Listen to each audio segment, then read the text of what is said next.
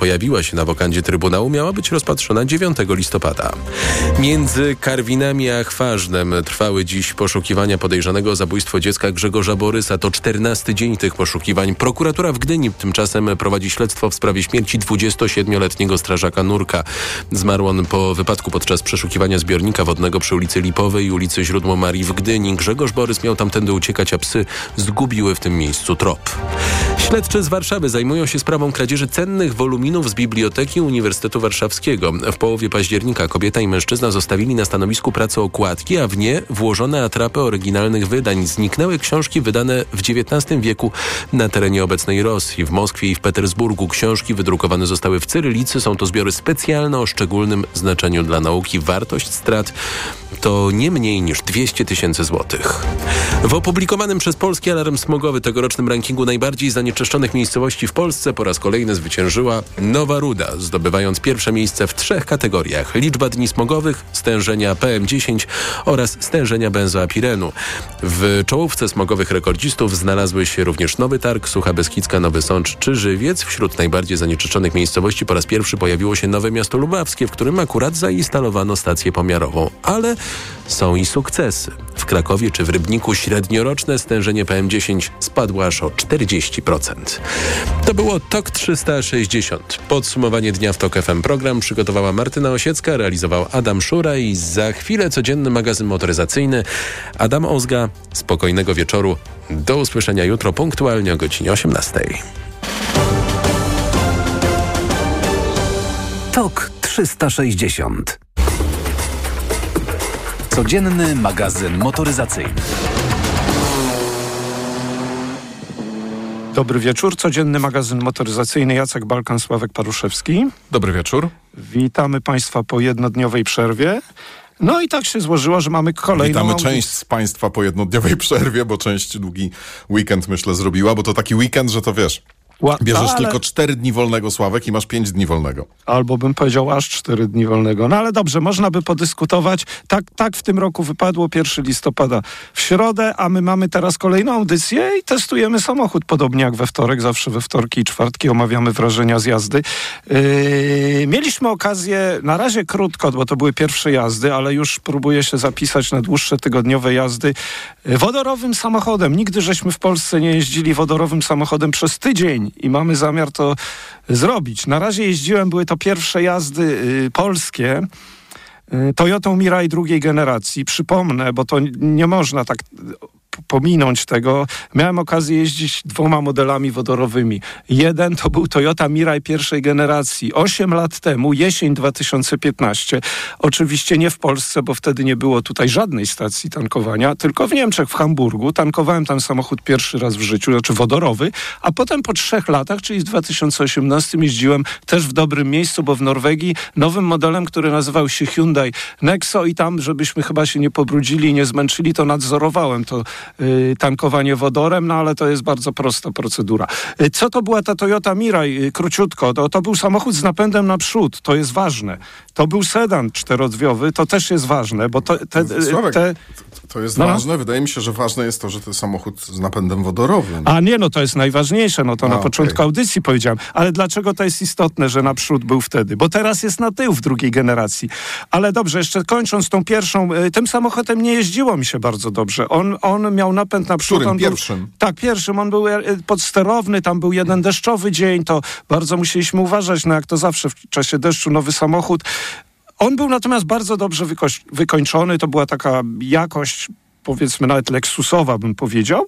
Yy, miał 150 koni wtedy, yy, ogniwa paliwowe, czyli wodór nie spalał się y, w, w, cylindrach, co wcale nie jest takie oczywiste, bo Toyota też pracuje nad, tym, yy, nad tą metodą napędu wodorem, że robi też samochody, które startują nawet w wyścigach, gdzie wodór spala się w cylindrach. Więc tam były ogniwa paliwowe, czyli tankujemy wodór, jest y, elektroliza, w obecności katalizatora, elektrony i woda powstaje jako produkt uboczny. Elektrony napędzają silniki elektryczne. W, tej drugiej generacji jest to samo, to jest najbardziej popularny napęd Słuchaj, wodorowy. Co ciekawe, e, jest w Polsce firma, która nazywa się Bergera Monowire.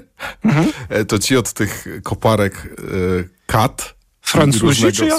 sprzętu budowlanego. Mhm. Jak się firma nazywa Bergera Monuayer, to raczej francuska, albo przynajmniej tylko tak się nazywa, a może być też kanadyjska na przykład, a mhm. może być też już światowym koncernem, ale to nie ma znaczenia. Oni sprzedają w Polsce Toyota Mirai, e, czy raczej napęd e, Toyota Mirai, i serce Toyota Mirai, zapakowane w e, agregat prądotwórczy. E, I podłączasz sobie, żeby na budowach e, różne e, obsłużyć urządzenia elektryczne, żeby był prąd w miejscu, w którym prądu nie ma, no to zazwyczaj używa się spalinowych agregatów prądotwórczych, czyli A, podjeżdża taki no. kontener z, e, z agregatem diesla. Natomiast teraz coraz jest to niewątpliwie przyszłość budownictwa i sprzętu budowlanego. Podjeżdża kontener z, z Toyota Mirai bez kół, bez kierownicy, e, bez wszystkiego. Tak, tak. E, I jest to agregat prądotwórczy, podłączasz to do cysterny albo do zbiorników e, z, z wodorem i masz prąd, tak? Więc tak, tak no też to działa. Tak, tak, działa i to, to jest nawet możliwe też zasilaniem y, takimi samochodami wieloma japońskimi, ale wodorowymi również no chociażby gospodarstwa domowego. Ale słuchaj, za, zamknijmy temat tego pierwszego Miraja. To był samochód, który w sumie na całym świecie sprzedano w liczbie kilkunastu tysięcy egzemplarzy. W tym roku w Stanach 2,5 tysiąca. Tak. Czyli mało, nie są zadowoleni. Mało, słuchaj, w zeszłym roku w ogóle samochodów wodorowych, osobowych na świecie, czyli dwóch modeli Hyundai Nexo, Toyota Mirai, sprzedano około 20 tysięcy, a przypomnę, od moich pierwszych jazd minęło 8 lat. To raczkuje, to się wolno rozwija.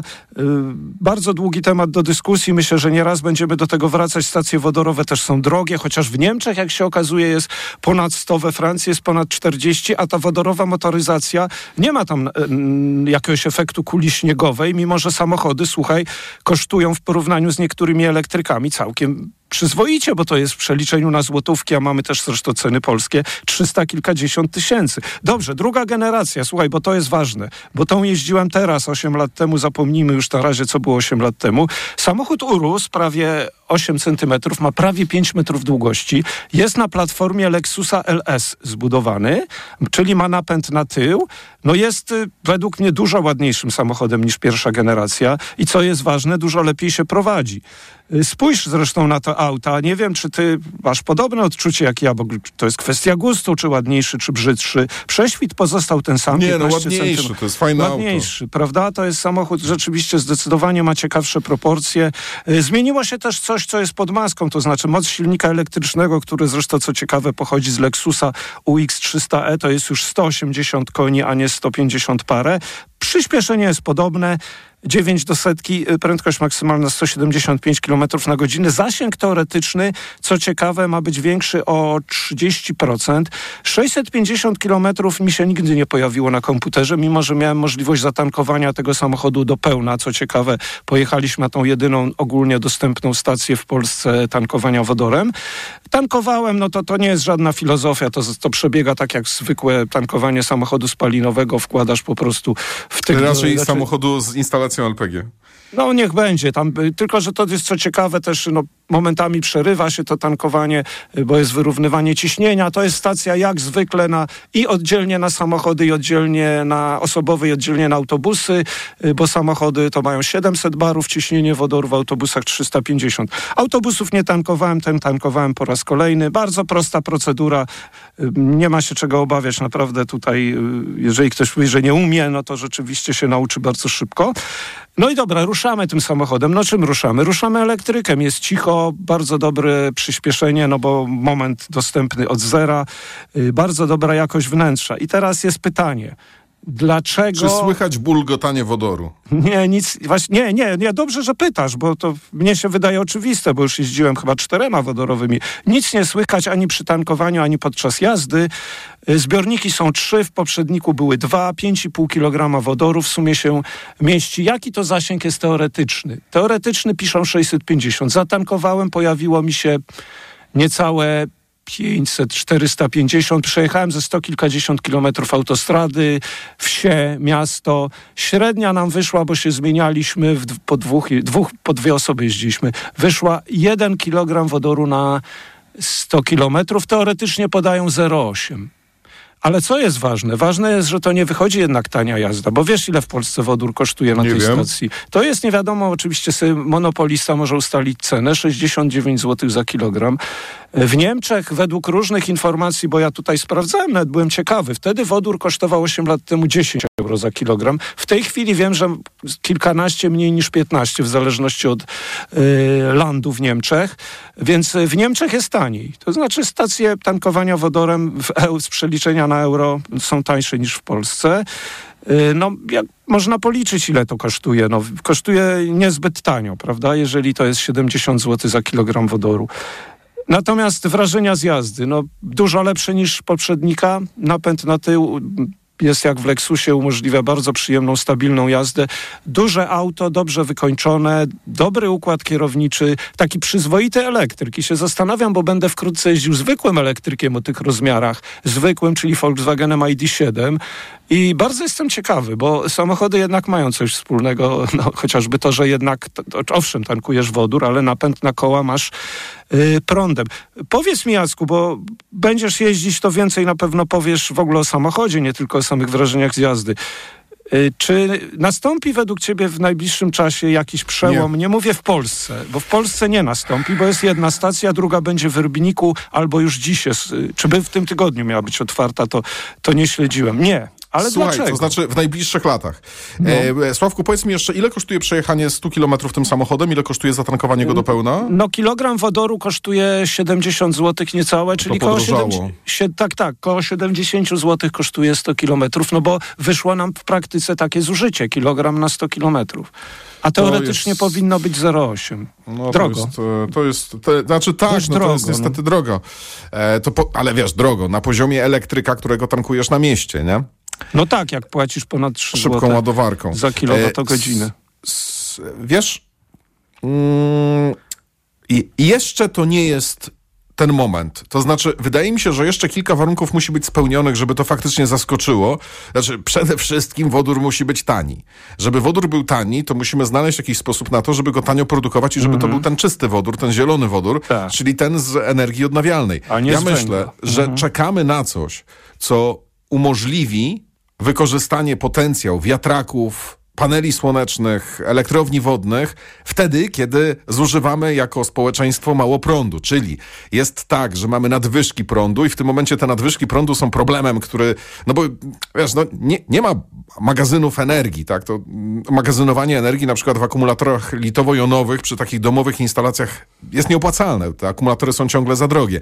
Ale jeżeli byłby jakiś sposób na to, żeby tę energię magazynować formie wodoru, co teoretycznie jest możliwe, no bo przecież ten wodór również przy pomocy prądu robi się z powietrza, prawda? Tam można wyprodukować, można wyprodukować e, czysty wodór właśnie przy pomocy, e, przy pomocy energii mm, elektrycznej. E, to myślę, że wtedy byłaby na to większa szansa. No, Wiesz, trudno mi sobie to wszystko wyobrazić. To znaczy, z jednej strony jestem sobie w stanie to wyobrazić, czyli na przykład montuję panele słoneczne i dostaję powiadomienie SMS, że tak mocno świeci słońce, że ceny prądu na światowych rynkach, europejskich rynkach spadły i teraz są ujemne. W związku z tym nie opłaca się tego prądu oddawać do sieci energetycznej.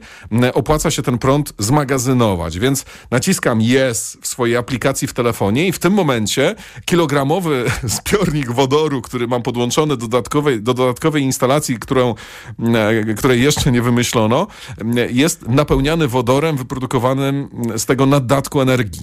Potem wieczorem biorę ten kilogramowy zbiornik wodoru, wkładam do swojej Toyoty Mirai mm, i wiesz, przekręcam zawór, nie? I mam na przykład 100 kilometrów jazdy. No właśnie, tak bo to, to sobie po- wyobrażam. To musi być tańsze, oczywiście, że tak. No wiesz, tych metod jest dużo, żadna nie jest idealna, no ale te met- przecież przy, pamiętasz, mówiliśmy, omawialiśmy przy tym, że być z biomasy, z paliw kopalnych, w wyniku elektrolizy. To... Natomiast generalnie y, wydaje mi się, to nie jest bariera cenowa, bo to jest, to jest samochód premium według mnie, wykończony jak Lexus, na platformie Lexusa, rozmiarów Lexusa kosztuje 300 kilkadziesiąt tysięcy. Natomiast y, zadziwiające jest to, że w Niemczech, we Francji czy w Norwegii jednak sprzedaż samochodów wodorowych, fakt, dwa modele, no to mało, no Nexo i Mirai, Sławku, Hyundai i Toyota, słuchaj, no. no ale to Hyundai, nie to roz- ostatnio, wiesz, ostatnio się No. facetowi pobi- po, po, popsuł ten Hyundai X35 No ja wiem, ile kosztowała go naprawa. Tak, ponad 100 Oczywiście, tysięcy no euro rachunek. Ale jeżeli to można zatankować na razie razie na tej jednej, jedynej stacji, plus na Pulsacie, znaczy plus na stacji Plus polsatowskiej. chyba Rybnik już ruszył w tym tygodniu, stacja w no, Rybniku. to wiesz, jakby to powiedzieć, to mamy tutaj, e, narzekamy na brak ładowarek i faktycznie spotykamy się No. z brakiem ładowarek i często jest to wrzut, chociaż ja mam teraz ładowarkę taką, wiesz, pod siłę, więc mój problem właśnie się skończył, ale narzekamy na to, no to chyba No nie, no to, już wiemy, no- wiemy dlaczego w Polsce nie, natomiast zastanawiam się dlaczego w Niemczech nie we Francji. Będziemy o tym dyskutować. Toyota Mirai drugiej generacji, pierwszej jazdy. Bardzo ciekawy samochód, y, nowatorskie rozwiązanie, wrażenia z jazdy fajne, ale praktyczność na razie no niewielka, prawdę mówiąc i to tak Chyba, że pracujesz w Polsacie. Sławek Tak. Paruszewski, Jacek Walka, kłaniamy się pięknie. Do jutra. Codzienny magazyn motoryzacyjny. Dobry wieczór. Słucham ja bym chciał tutaj właśnie powiedzieć o decyzji, którą podjąłem. No jestem e, raczej wyborcą, znaczy nie raczej, no jestem ogólnie wyborcą e, Koalicji Obywatelskiej. Moje poglądy są bardzo bliskie. Natomiast e, no, zrobiłem sobie test lat, e, latarnika. Wyszło mi, że bardziej bliżej mi jest do e, lewicy. I co pan teraz zrobi? Nie, nie, a teraz zrobię, że będę głosował na trzecią drogę, czyli taktycznie. Radio TOK FM. Pierwsze radio informacyjne. Posłuchaj, aby zrozumieć. Reklama. Wiadomość z ostatniej chwili. W salonach Toyoty ruszyła właśnie sezonowa wyprzedaż. Nowe auta dostaniesz na niej w niesamowitej ofercie. Na przykład stylową, kompaktową i zwinną, po prostu idealną do miasta Toyotę Aygo Cross możesz mieć z korzyścią do 4000 zł. A do tego, uwaga, niemalże od ręki. Nie czekaj, tego po prostu nie można przegapić.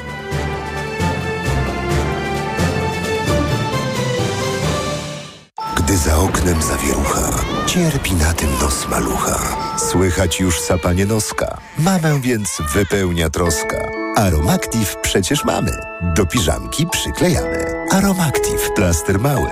Wnet uwalnia zapach cały. I troskliwie nos otacza. Lekki oddech szybko wkracza. Uratować nos i noc może tylko plastra moc. Aromactive zmniejsza troski. Pielęgnuje małe noski. Dostępny w aptekach. Hej, sklep opon? Tak, proszę. Potrzebuję nowych opon. Znalazłem opony idealne do Twojego samochodu. Świetnie, zamawiam z darmową dostawą. Sklepopon.com. Twój asystent w doborze najlepszych opon.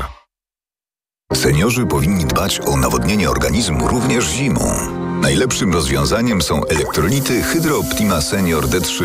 Suplement diety Hydro Optima Senior D3 zawiera substancje potrzebne do nawodnienia organizmu, ale ma niską zawartość sodu i glukozy, co ma szczególne znaczenie dla osób z nadciśnieniem i podwyższonym poziomem